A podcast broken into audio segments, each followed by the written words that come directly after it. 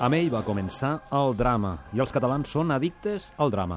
A finals del segle XIX, els barcelonins es van abraçar a Richard Wagner, el compositor d'òpera que ho havia revolucionat tot, dramàtic, renovador, acció. Ja ells se senten les bases d'una òpera alemanya.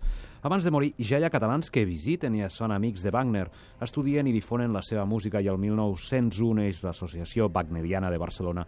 El wagnerisme és una ideologia que arrele a Catalunya, D'acord, és una nova manera de sentir i veure l'òpera, és innovació, moviment, acció, és filosofia, reflexió.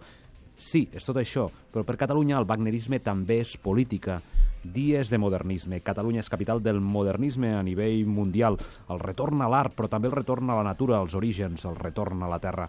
Wagner i els alemanys del segle XIX ho saben molt bé i d'aquí surt aquest nacionalisme del poble, que també és cultural, com la música, com les òperes de Wagner. El moviment renaixent català ja s'emmiralla amb la cultura germànica i també s'identifica amb el wagnerisme, amb aquest nacionalisme musical.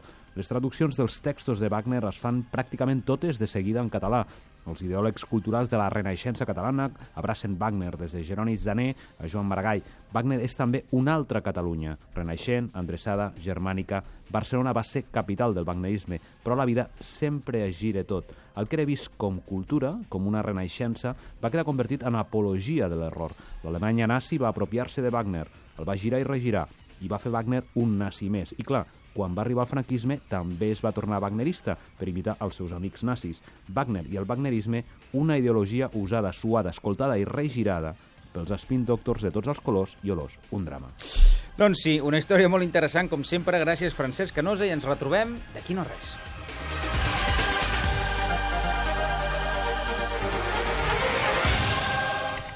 Toni Aire i els Spin Doctors a Catalunya Ràdio.